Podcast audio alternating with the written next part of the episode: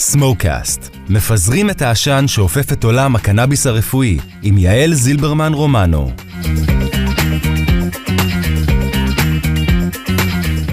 ברוכות וברוכים הבאים לסמוקאסט, הפודקאסט החדש של עולם הקנאביס בישראל.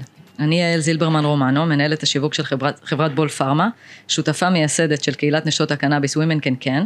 המטרה שלנו בסמוקאסט היא להעלות נושאים החשובים למטופלות והמטופלים ולהרחיב את הידע בנוגע לטיפול ולשימוש בקנאביס רפואי.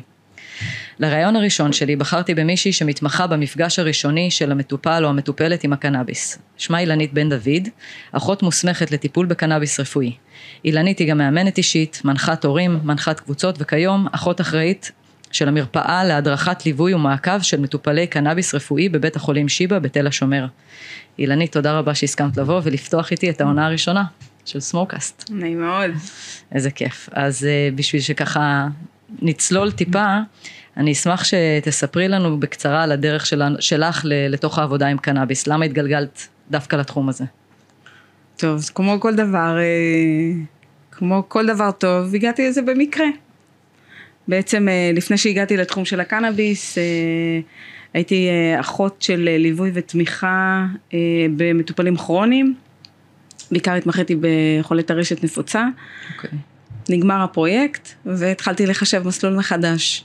איזושהי חברה שלי התראיינה לחברה ש... אה, שעבדתי בה אחר כך בהמשך, היא לא יכלה להיכנס לעבודה הזאת מאיזה שהן אה, סיבות, והיא אמרה לי בואי תנסי. עכשיו מתוך הסקרנות והפתיחות וההרפתקנות שלי, הלכתי לבדוק, ונשוויתי ב... בעולם קסום שמתרחב ומפתיע ומסקרן. אה, וזהו, ונכנסתי למעבה הקורה. והתחלתי ככה באמת להכיר את הנושא, את התחום, להתרחב, לקרוא הרבה, ללמוד, ו, וגם להיווכח בדברים באמת הטובים שלו, וגם קצת פחות, ונראה לי כן. נרחיב על זה אחר כך. וללמידה הזאת אין סוף. כן, כן. אה, אז רגע לפני שניכנס ממש לעובי הקורה בתהליך של הטיפול בקנאביס, אני אשמח אם תספרי למה בעצם לקנאביס יש כזאת יכולת השפעה על הגוף ועל הבריאות שלנו. למה? בגלל ש... אה, קודם כל יש לנו מערכת אה, פנימית שנקראת המערכת האנדוקנבינואידית שעובדת עובדת כמו לצורך העניין כמו מערכת העצבים שיש לה חומרים ויש לה רצפטורים ויש לה אנזימים שמפרקים ו... ובעצם הצמח מתלבש על המערכת הזאת, זאת מערכת מאוד מורכבת שהרב הנסתר על הגלוי עליה, עוד יהיו בטח עוד חוקרים אותה עוד כל כך הרבה. ו, ובעצם הקנאביס מתלבש, מתלבש עליה. המערכת הזאת היא בעצם אה, שותפה לכל מיני תהליכים כימיים וביולוגיים בגוף, בהמון, במגוון פעילויות בגוף, ולכן אה, אנחנו רואים כמה הקנאביס עוזר בכל כך הרבה דברים. זאת אומרת, הגוף אה, שלנו ממש מובנה ומוכן לקבל קנבינואידים. נכון. הוא אפילו מייצר גם בעצמו נכון, קנבינואידים, נכון? נכון, נכון, יש אנדוקנבינואידים אני זוכרת שאותי זה נורא הפתיע לגלות שהגוף שלנו גם מייצר קנבינואידים. נכון, הוא מייצר. אה, והפיתוקנבינואידים, זאת אומרת אלה שמגיעים בעצם מהצמח, הם בעצם אה, כשמכניסים אותם לגוף הם בעצם מתלבשים על המערכת ומשפיעים. מדהים. יופי. אז uh, אנחנו ניכנס עכשיו בעצם לדרך שבה המטופלים uh, עוברים אה, כשהם מתחילים את הטיפול. והייתי רוצה שנדבר קצת על החשיבות של עבודה עם אשת או איש מקצוע מהתחום המטפל. אה, הרבה מטופלים בעצם מקבלים רישיון בהתאם למצבם הרפואי, יוצאים ממשרד הרופא ונשארים די אבודים, חלק מהם יפנה למכרים אה, כדי לשאול ו- ולקבל רעיונות, אחרים יחפשו תשובות ברשתות החברתיות ובסוף הם ייגשו לבית המרקחת, יקנו מוצר של חברה כזאת או חברה אחרת. ואני מניחה שזו כרוניקה שמובילה ללא מעט כשלים בטיפול, המון תהייה בלי, בלי הרבה הכוונה. אז מה החשיבות של התחלת טיפול בליווי של אשת או איש מקצוע ואיזה תהליך למידה המטופל צריך לעבור? אוקיי, okay, אז אני חושבת שקודם כל כשאתה פוגש איש מקצוע, בעצם איש המקצוע רואה אותך במלוא המידע שבעצם אה, טמון בהיסטוריה הרפואית שלך. זה אומר מהאבחנה שלך, מהתסמינים שאתה סובל מהם, מהתרופות שאתה לוקח, ממחלות רקע, מההרגלים שלך ואורחות החיים שלך. אמ, הוא יכול לשקלל את כל הנתונים האלה ו, ואז בעצם להתאים לך את הטיפול המתאים, כלומר דרך תשאול מאוד מאוד מעמיק אפשר לאסוף את כל הנתונים ואז לעשות התאמה הרבה יותר טובה מאשר סתם... אז אני רגע לוקחת צעד אחורה, בעצם הרופא המטפל שירשום את הקנאביס לא, לא יגיע לעומקים האלה, זאת אומרת לרוב הרופאים שרושמים את הקנאביס לא עושים את כל התשאול הזה ואת כל התכלול של כל נכון, הנתונים האלה. נכון, לפעמים פשוט מפאת חוסר זמן או חוסר ניסיון לפעמים. Mm-hmm. הם לא, לא שואלים את כל השאלות כדי לשקלל באמת אה, זה. עכשיו יש המלצות של משרד הבריאות שגרר לרופאים שעשו את ההכשרה, אבל לא תמיד זה הדבר הכי נכון לעשות. כלומר לפעמים צריך להפעיל עוד קצת שיקול דעת, כלומר גם אם נגיד יש מטופל אונקולוגי שצריך בשביל התסמינים אה, הרכב שנקרא T10C2, יכול להיות שאם יש חרדה ברקע לא בהכרח שאני אתחיל דווקא עם ההרכב הזה, mm-hmm. אני אבדוק משהו אחר, אני אשאל אותו לפני ולפנים, ואני אבדוק אם יש איזושהי היסטוריה אה, פסיכיאטרית ברקע, שזה קונטראינדיקציה. אני אבדוק חשוב. הרבה רבדים בעצם בתוך, ה, בתוך, ה, אה, בתוך המטופל, בתוך התשאול שלו, כדי לעשות את ההתאמה המיטבית. רופאים בכלל אה, עושים את ההצלבה בין תרופות קיימות לקנאביס, או שגם זה משהו שבדרך כלל לא נידון? במשרד הרופא? אני לא חושבת שזה, mm-hmm. זה חשוף בפניו בעצם הרבה פעמים המידע של המטופל, אבל לא בטוח שבהכרח עושים את ההצלבה. אוקיי, okay. אז נניח שמטופל באמת אה, יצא אה, עם אה, איזשהו רישיון, כמובן שההמלצה היא בעצם, אנחנו, מה שאנחנו מדברות עליו כרגע זה לעבור איזשהו ליווי, אם בדרך כלל זה יהיה אח או אחות, נכון? זה, אלה האנשים שבדרך נכון, כלל יעשו את הליווי הזה. נכון, שבדרך כלל מלווים, מטופלים okay. אוקיי. ב... מעולה. אז איך נראה התהליך הזה כשאת פוגשת אה, מטופלת או מטופל חדשים? בואי תספרי כזה. אוקיי. Okay. אמ, בן אדם שבוחר ב, אה, להגיע להדרכה הוא בעצם מבין שקודם כל הוא מכיר בזה שהוא, שהוא צריך יותר מידע אה, וזה נקודת אה, פתיחה טובה mm-hmm. כי לפעמים אומרים טוב בסדר כמו שאמרת חבר שלי יגיד לי הבן שלי יגלגל לי הרוקח יסביר לי ולא תמיד זה זה, זה לוקח בחשבון לוקח את כל הפרמטרים. את כל, בדיוק, את כל הפרמטרים. Mm-hmm. אז כשמטופל נכנס אליי, קודם כל אני לוקחת אנמנזה מאוד מאוד uh, מעמיקה. יש, אני חושבת שלוקח לפעמים, זה יותר מ-20 דקות, 25 דקות, רק, רק להבין מי, מי הבן אדם שעומד מולי. Mm-hmm. ואז, ואז יש, כי אנחנו בעצם שואלים את זה, ואז עושים בעצם את ההתאמה. דרך, עד שמגיעים להתאמה, אני בעצם נותנת הרבה מידע על הקנאביס. כן. בעצם מה, מה צורות הצריכה שמקובלות היום, מה מתאים לכל, מה מתאים ל, ל, למטופל, יכול להיות שאישה בת 70 אה, או 80 לא יתאים לה עכשיו לגרוס ולגלגל או לגרוס ולהכניס למאייד ולהתעסק ולהטעין ול...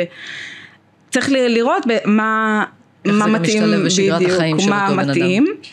ואני נותנת גם מידע על החומרים הפעילים, כדי ש... בן אדם ידע מה ההרכב שהוא מקבל, שהוא לא יהיה קלולס, כלומר הוא מגיע, הוא מסתכל, הוא מסתכל על הרישיון, שיבין מה זה אומר T, שזה הקיצור של THC, מה זה ה-C, זה מדובר על ה-CBD, מה כל חומר פעיל, מה ההשפעות שלו, למה זה יותר טוב, למה פחות טוב, מה התופעות לוואי, כל המידע הזה ניתן בחדר עוד לפני שהוא בכלל מתחיל את הטיפול. כן. ואחר כך כמובן, איך להתחיל את הטיפול. על החשיבות של הטיטרציה המדורגת, לא למהר, אנחנו לא מתחילים עם THC מאוד גבוה, ההפך הוא הנכון, כלומר תמיד מתחילים עם המינון הנמוך ביותר, מעלים אותו לאט לאט בהדרגה, זה דברים מאוד מאוד חשובים כדי שהכניסה לטיפול תהיה הרבה יותר רכה עם מינימום תופעות לוואי והרבה יותר מדויקת ומותאמת אה, למטופל. אז זהו, אני חושבת שזו נקודה נכונה להעלות בה עכשיו את הנושא של אה, תרופת הפלא, שבאמת הרבה אנשים שמקבלים קנאביס, בין אם הם באו עם איזה ידע מקדים, או בין אם הם קיבלו עכשיו את הרישיון, יש איזה נטייה לחשוב שהקנאביס הוא איזה תרופת פלא, ולא לוקחים בחשבון שגם לתרופת פלא הזאת, במרכאות אני אומרת, גם לה יש תופעות נכון. לוואי, זאת אומרת אנשים, אה, ו- ולפעמים קורה שאנשים כל כך עמומים מתופעות הלוואי, שזה יגרום להם להירתע מהטיפול אחר כך. גם, גם, נכון, בהחלט. סחרחורות, בואי תגידי לנו קצת. נכון, uh... נכון. בתחילת הטיפול, או כשעולים במינונים, קנאביס יכול לעשות ירידה בלחץ דם, דופק מהיר או דופק איטי, לעשות אה, ירידה ברמת סוכר, כלומר, זה אומר שאנשים שברקע. בדיוק, שברקע זה, זה מחלת הרקע שלהם, צריך לקחת את זה עוד יותר בחשבון. כן. אה, זה יכול לעשות יובש בפה או בריריות, זה יכול לגרום לתחושה של. תחושה של איזשהו היי או השפעה פסיכואקטיבית שהיא נקראת. צריך לדעת, לכל אחד זה מתאים. לא לכל אחד, יש הרבה אנשים שחווים את זה כהרגשה מאוד מאוד לא נעימה, שמאוד כן. מבהילה. אה, יכול לגרום לחרדה, ככל שעולים במינונים של ה-THC, יכול לגרום לחרדה. אה, אם אה, מגזימים במינונים, זה יכול לגרום לאיזשהו חוסר התמצאות, אה, איזשהו בלבול, אה. חוסר אוריינטציה, כן, שליפה של, של, של זיכרון לטווח קצר, כן. כן. כן, יכול לגרום להרבה, ולפעמים יש גם תופעות לוואי לפעמים, שיש לקנאביס איזשהו, יכול להיות שאם אתה עובר את המינון, הוא יכול לעשות לך כאילו התהפכות, כלומר, אם רצית את זה לתיאבון, פתאום תעלה במינון, זה יוריד לך את התיאבון. על הבחילות, יור, כאילו. יגרום לך לבחילות אחר כך. יכול לעשות איזשהו משחקים, אה, זה, אה, שצריך לדעת אותם. כן. וגם צריך לדעת שזה לפעמים יכול לבלבל בתופעות לוואי ש, של תרופות אחרות שמטופלים נכון. מק- מקבלים. אנחנו יודעים על מטופלים אונקולוגיים שלוקחים, שמטופלים בכימותרפיה או טיפול אימונולוגי או טיפול ביולוגי, יש להם את, ה, את התופעות לוואי שלהם, כן. אבל הקנאביס יכול להוסיף ולפעמים זה יכול קצת לבלבל בעצם מה גרם למה.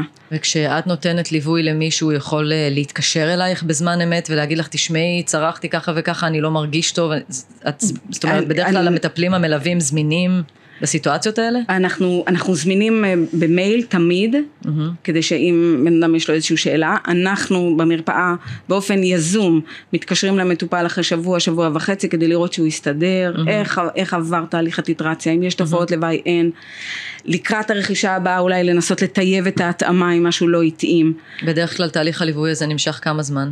עד שהבן אדם כבר מגיע למצב שהוא יודע איך לטפל בעצמו? הוא יכול, יש מטופלים שזה יכול לקחת קצת זמן, וזה תלוי מה, התס? מה התסמינים. לא, לא חודשים, חודשים. פחות, אוקיי. בוודאי. אני חושבת שאחרי חודש, חודשיים, אנחנו יכולים להתייצב על משהו, ויש כאלה שאפילו לפני, וזה תלוי מה התסמין שאנחנו רוצים לטפל בו. כן. למשל, כשיש שינה, אנחנו מצליחים לטפל בזה מאוד מהר. מהר. אה, אבל כאבים נוירופטיים, ככה ככה, כלומר לפעמים אנחנו לא מצליחים בכלל, לפעמים כן. קצת, לפעמים הרבה, זה נכון. מאוד מאוד תלוי וצריך המון המון סבלנות. אז התחלת כבר לדבר, אז אני כבר אשאל, מה, ב- מה ההתוויות הנפוצות שאת פוגשת אה, מאוד מאוד ברמה כללית, מה בדרך כלל מתאים להתוויות מהסוג הזה, ואולי את יכולה לשתף קצת בסיפור, בסיפורי הצלחה שליווית אה, עד היום. אוקיי. עכשיו, בתקופה הנוכחית אני יותר, אה, אה, יותר עסוקה במטופלים אה, אונקולוגיים, כי כרגע בתל השומר אנחנו עושים Mm. אוקיי. איזשהו פיילוט כרגע, כלומר, לבנות את הכללי העבודה ואת הנהלים, ולראות, לבנות איזשהו flow עם, ה, עם המטופל, ולראות שזה עובד טוב, לראות איך אנחנו אוספים את, ה, את הנתונים כמו שצריך, ואחר כך אנחנו נתרחב בעצם לשאר ההתוויות אה, אה, בבית החולים. אז כרגע אני פוגשת יותר מטופלים אונקולוגיים, אבל מהניסיון הקודם שלי, אמ, אז גם אנחנו פוגשים הרבה מטופלים אונקולוגיים, גם אם זה מתוך הבית חולים ולא, ברור. מטופלים עם כאבים כרוניים. אה, פיברומיאלגיה, פריצות ו- דיסק, פיבר, פיברומיאלגיה זה כאילו, זה באחוזים שלו אולי קצת נמוך, אבל אם אנחנו מדברים על רוב הרישיונות, הם הרבה פעמים על כאבים מכל מיני מקורות. כאבים נוירופטיים, כאבים אורתופדיים, כל מיני אה, כאבי פרקים. אוקיי. אה, אנחנו רואים גם את הפרקינסון ואת הטרשת נפוצה, ושהם יכולים לקבל אה, רישיון. אה, גם המטופלות של הפיב... הרוב זה מטופלות, אבל גם את הפיברומיאלגיה שאנחנו פוגשים הרבה. אה, יש את עולם הילדים שחשוב אה, לציין אותו, גם אפילפסיה וגם אוטיזם. שנכנס לפני שנה, mm-hmm. כאילו, אולי אפילו יותר, אה, לרשימת ההתוויות שאפשר לקבל רישיון, כן. שגם גם אותם פוגשים. אה, ופוסט טראומה ופסיכיאטריה. פוסט-טראומה, נכון. ששם דווקא יש לי, אם כבר על מה שדיברנו קודם, למרות שזה לא כתוב בשאלות, Mm-hmm. אבל אני בכל זאת אלך לשם, כאילו, את דיברת קודם על האחוז ה-THC ב- בהתאם לרקע הפסיכיאטרי של חרדות נניח, או דברים כאלה. אני תוהה איך יכול להיות שדווקא פוסט-טראומטיים מקבלים מרשמים עם אחוז T כל כך גבוה, שבעיניי הוא רק עוד יותר מגביר. כאילו אה, אפקט אה, פסיכואקטיבי למעשה, אז נכון. זה לא מגביר את הקושי שלהם? סתם אה, מסקרנות, זה כאילו, אני אפילו לא... תראי, מהניסיון שלי דווקא אני ראיתי שזה מאוד עזר למטופלים עם פוסט טראומה. זה עוזר, עוזר להם מאוד לישון. כן, לקראת הלילה יכולות לעלות יותר חרדות נכון. וכו', וזה פשוט מסייע טוב לישון. אוקיי. זה גם עוזר להם לתפקד במשך היום. אמ, אבל צריך להיות עם משנה זהירות. עכשיו, כן. אה, לפעמים כשניסיתי לחשוף אותם ל-CBD, כלומר ש-CBD מרגיע מאוד, אה, הוא אנטי חרדתי, כן, אמ, לא תמיד זה הלך. אבל יש מטופלים שדווקא הריכוז גבוה של CBD ביום, דווקא כן היה להם. יכול אה, לעזור להם. בלילה אין בעיה, THC גבוה ממקור אינדיקה, שהוא באמת עוזר להרגיע ו- ובאמת אה, להיכנס לשינה יותר, יותר טובה ויותר עמוקה. עוזר, אנחנו יודעים שזה עוזר. אבל חשוב, לי- חשוב לזכור, בתחום של, בתחום של ה-THC, ככל שאנחנו עולים ברמה של ה-THC, הפוטנציאל להתעוררות של חרדה גדל. מהמם. ולכן לפעמים, אני חושבת שאני פוגש, פוגשת הרבה פעמים אנשים שנמצאים באיזשהו מעגל סגור. הם חושבים שזה מרגיע את החרדה, אבל מצד שני, יש, הגוף ספוג בכל כך הרבה THC, וזה דווקא מגביר את החרדה. כן. הם חושבים שזה מוריד וזה דווקא מגביר. אז מאוד חשוב, חשוב לב לשים לב לזה, וכמובן על היבטים של התמכרות. אז את, את כן היית ממליצה להתחיל דווקא מ-T נמוך, לא, לא בהכרח אה, C גבוה, אבל T מאוזן נגיד, אה, נכון. לפני שעולים גבוה ל... בהחלט להתחיל עם משהו שהוא מאוזן יותר. זה אנחנו... כלל אצבע נראה לי נכון לכולם, לא? לגמרי, זה... לגמרי. ואני חושבת שכדאי בש- בעבור המטופלים, שהזמינות של הרופא או השינוי של הרישיון יהיה קל יותר. כן. כלומר, שבמידה כדי ואחרי שאנשים לא יוציאו חודש... מרשם גבוה רק כי הם מפחדים שיהיה להם קשה לה- להעלות נכון, אותו אחר כך. נכון, נכון. אז זה באמת מה שאני אה, מצליחה ליישם ב- ב- בשיבא. התקשורת עם המזכירה והשינויים והתקשורת עם הרופאים היא מאוד מאוד מהירה ואז אני אומרת להם בואו נתחיל קודם כל עם משהו מאוזן יותר תרכשו את, ה, את, ה, את ההתחלה זה לא יעשה תופעות לוואי, זה לא יזעזע את המערכת. ב- לפני הרכישה הבאה, בואו נדבר ונראה אם צריך לשנות את הרישיון, כי זה לא עזר מספיק, אין בעיה, נשנה את הרישיון. כן. באותו יום אחרי שאני מבקשת, מעולה. יש כבר רישיון ומרשמים במייל של, ה, של המטופל. אני חושבת שזה מה שחשוב, שאנחנו ננגיש את הטיפול הרבה יותר, ולא יהיה פה איזשהו לחץ נכון. ש, שלא יהיה לי, שיגמר לי, ש, שאני, לא- הרופא לא לא יענה מספיק. לי, ו... כן. אז זה אני חושבת שמאוד אה, לטובת המטופלים. אוקיי. מה הטעויות הנפוצות שאת אה, נתקלת בהן? כבר דיברנו כבר עכשיו על אחת, דיברנו אבל... אה, על אבל- הנהירה אחרי ה-THC הגבוה, הגבוה כמובן. כן. אה, אני חושבת שמטופלים שמוותרים על הדרכה, כי אני חושבת, אין, אין מטופל שלא יצא מהחדר ואמר שהוא שמח שהוא הגיע להדרכה. כן. אה, ממליצה אגב להגיע עם בן משפחה או כאילו עם ליווי? אני חושבת זה יכול שכן, לעזור, לא? מאוד. אני חושבת שזה מאוד יכול, והר- והרוב מגיעים עם בן, מש, עם בן משפחה. אה, על מהו טעויות נפוצות? אה, שהשימוש הוא לא תמיד מידתי, כלומר השאיפה היא להיות במינון הנמוך ביותר, שלא גורם לתופעות, שעוזר לתסמין שאנחנו רוצים, עם מינימום תופעות לוואי. כן. המינון הנמוך ביותר. ויש לפעמים עלייה, גם עלייה מהירה מדי במינונים, אה, גם נטילה לא נכונה, אה, עישון, וכשמערבבים טבק, גם עוד אה, טעות נפוצה. כן. מה עוד אני רואה? כן, כמו שדיברנו, הנהירה ל-THC הגבוה היא ממש לא תמיד ה- ה- הפתרון הרפואי, הנכון. נכון. יכול להיות שזה מתאים לדברים אחרים, אבל פחות ל... נכון. לא בהכרח לטיפול. נכון. אה, משהו שמעניין אותי לדעת, האם את עדיין נתקלת ב-2021 בסטיגמות, התמודדות עם סטיגמות של קנאביס רפואי? זאת אומרת, האם מגיעים מטופלים ואומרים, אני לא כל כך רוצה את זה, אבל אני מבין שכבר אין לי ברירה, כי אונקולוגי, כי הגענו כבר למיצוי של כל הטיפול התרופתי שיכולנו. כן, לגמרי. כן? כן, יש עדיין סטיגמות. אני חושבת שבמיוחד שאנחנו. בדיוק, במיוחד שאנחנו פוגשים את המטופלים המבוגרים, לא נשכח שיש, ב- היה הרבה דה-לגיטימציה לקנאביס שנים רבות, ברור. והתלבשו על זה כל מיני אה, תפיסות למיניהם. אה, אז אני חושבת שאנחנו לאט לאט בדרך כדי לפרק את התפיסות הזה ולתפוס אותו כעוד מרכיב שיכול לסייע לנו אה, בטיפול. אה, הרבה פעמים אז מבוגרים מגיעים לפעמים בלחץ של אה, בני משפחה, mm-hmm. לפחות, אה, שלפחות תנסו ותראו מה כן. זה עוזר, לפעמים זה עוזר, לפעמים לא, לפעמים אנשים מתגברים על התפיסה אה, ולפעמים גם לא. כן. אה, אני חושבת שבדרך שאני עושה עם מטופל זה באמת קודם כל ליצור את האמון, גם אמון בי כבעל מקצוע כן. שמחזיק, מוביל לו את היד, הולכים לאט לאט, כאילו של לסמוך עליי, וגם אה, לסמוך על הקנאביס. כלומר שהוא, כשאנחנו הולכים איתו כן. לאט לאט, ושהוא באמת לא גורם לתופעות לוואי, ושה- ש- שהעולם לא כזה נורא, ושגם אם אני סבתא בת 80 ואני, אה, ואני צורכת את הקנאביס, ועדיף כמובן באידוי, אז, אה, אז זה לא אומר עליי כלום, זה לא אומר שאני עכשיו סבתא מסטולית. זה שזה- באמת שאלה שעניינה אותי, כי אני מכירה נתונים מהעולם קצת, אבל את אה, מרגישה שזה יותר אצל נשים, הדעה הזו, או שזה מאוזן? אני, וואי, לא חשבתי לא על חשבת זה, על זה. אבל אוקיי. אה, יכול להיות שכן. אה,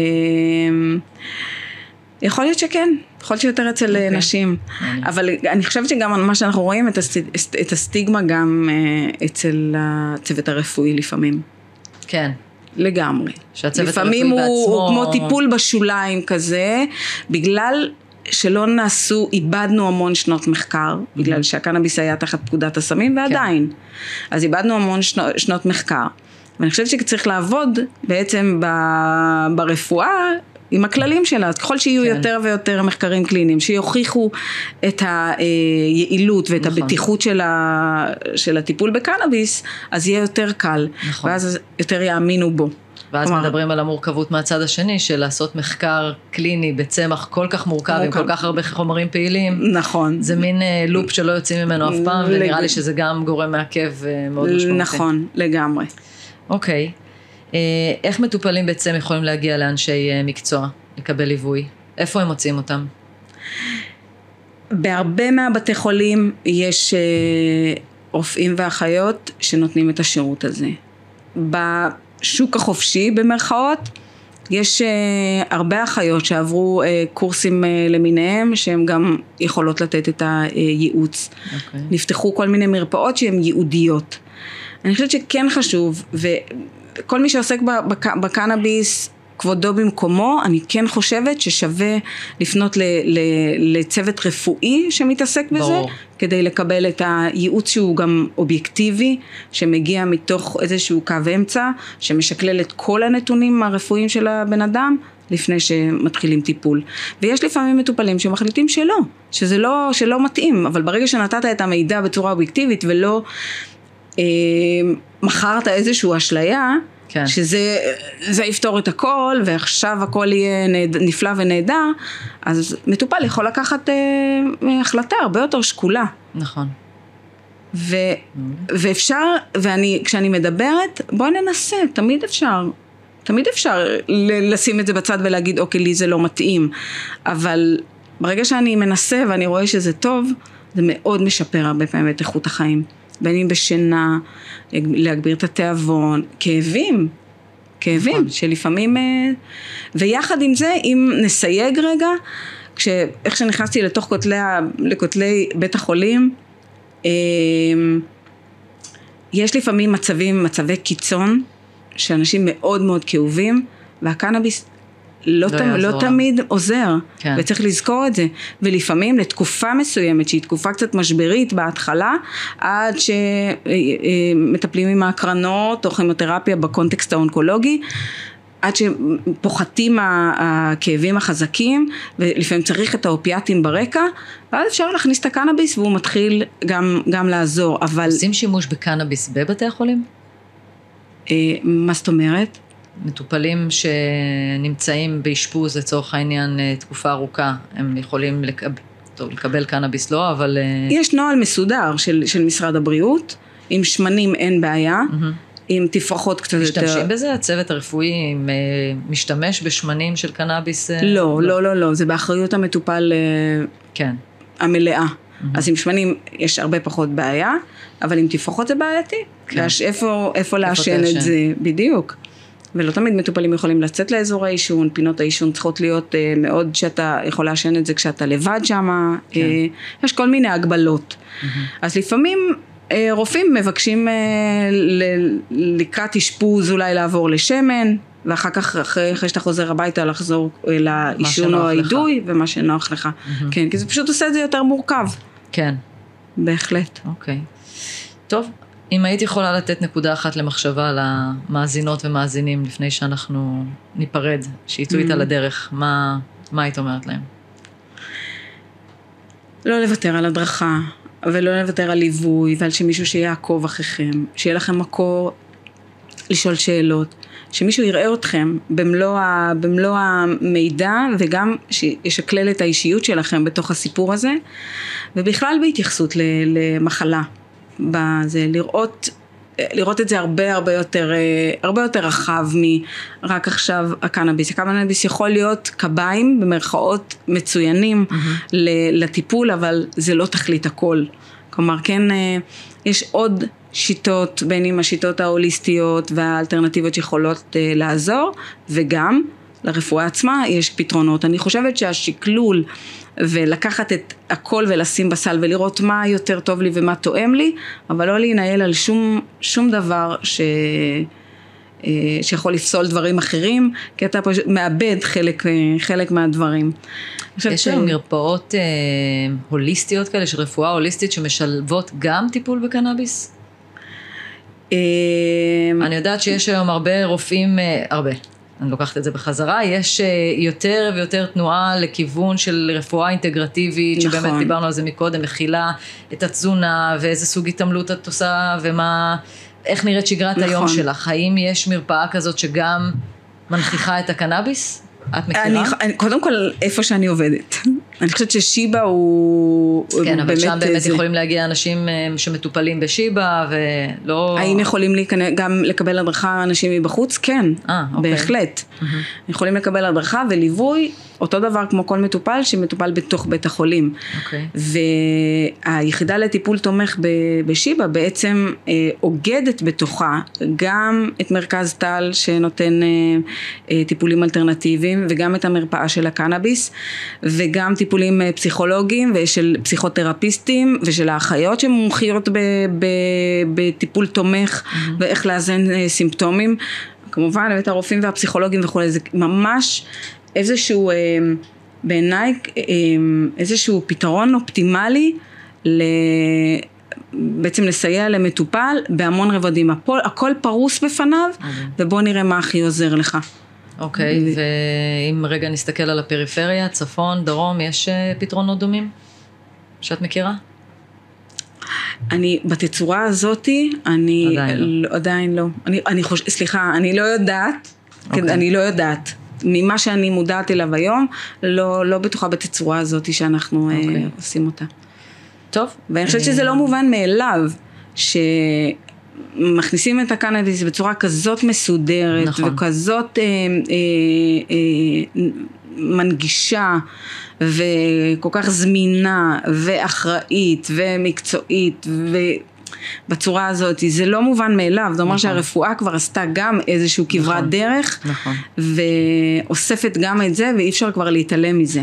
כלומר, אה, עכשיו אנחנו גם, אנחנו עובדים ברקע איך להסדיר את, ה, את הרישום של הקנאביס בתוך הזה. כן. כי אנשים מגיעים, אף אחד לא יודע אם בן אדם אה, משתמש בקנאביס או לא.